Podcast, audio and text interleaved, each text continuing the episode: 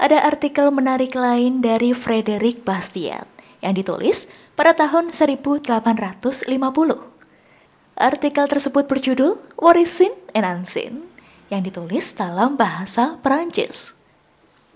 Pesan dalam artikel tersebut adalah tentang nasihat bagi pelaku ekonomi agar menganalisis semua fenomena ekonomi secara komprehensif. Kita harus menganalisis konsekuensi sebuah pilihan pada keseluruhan elemen ekonomi, tidak hanya fokus pada salah satu pihak saja. Kita juga tidak boleh hanya fokus pada konsekuensi langsung jangka pendek, tetapi juga kita harus menganalisis konsekuensi jangka panjang. Terkadang, kita mendapati bahwa kenikmatan jangka pendek membawa konsekuensi penderitaan jangka panjang. Mari kita simak perumpamaan broken window fallacy atau kekeliruan jendela pecah. Berikut. Pak Dudung memiliki ruko di sebuah kota besar. Pak Dudung memiliki seorang anak. Suatu hari, anaknya tidak sengaja melempar sebuah batu mengenai jendela kaca ruko ayahnya. Sebanyak lima kaca jendela pecah akibat ulah anaknya. Pak Dudung memarahi anaknya karena tingkah anaknya yang tidak hati-hati. Pak Dudung kemudian memesan jendela yang baru. Karena adanya permintaan dari Pak Dudung, perusahaan jendela mengalami kenaikan produksi. Perusahaan jendela harus merekrut satu karyawan baru dan menambah jam kerja. Karyawan dan pengusaha jendela tersebut mendapatkan pendapatan lebih banyak daripada biasanya.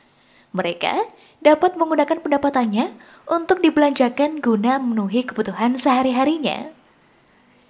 Karena mereka mengonsumsi lebih banyak, maka orang lain pun mendapatkan lebih banyak. Pada akhirnya, keseluruhan masyarakat pun mendapatkan manfaatnya. Sepintas, terlihat bahwa pecahnya jendela kaca ruko dapat menstimulan ekonomi ekonomi secara keseluruhan mendapatkan manfaat lebih besar.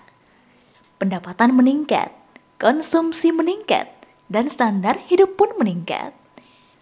Namun, berdasarkan analisis brilian dari Frederick Bastiat, kita tahu bahwa ada konsekuensi tidak diharapkan dari pecahnya jendela kaca itu. Inilah yang disebut dengan konsep opportunity cost. Kalau kaca jendela ruko tidak pecah, Pak Dudung seharusnya bisa menggunakan uangnya untuk membeli hal lain yang lebih bermanfaat, seperti sepatu, makanan, hiburan, traveling, atau benda mewah lainnya. Bisnis-bisnis itu tidak mendapatkan order dan mengalami kerugian karena Pak Dudung tidak mengeluarkan uangnya untuk belanja barang dan jasa tersebut.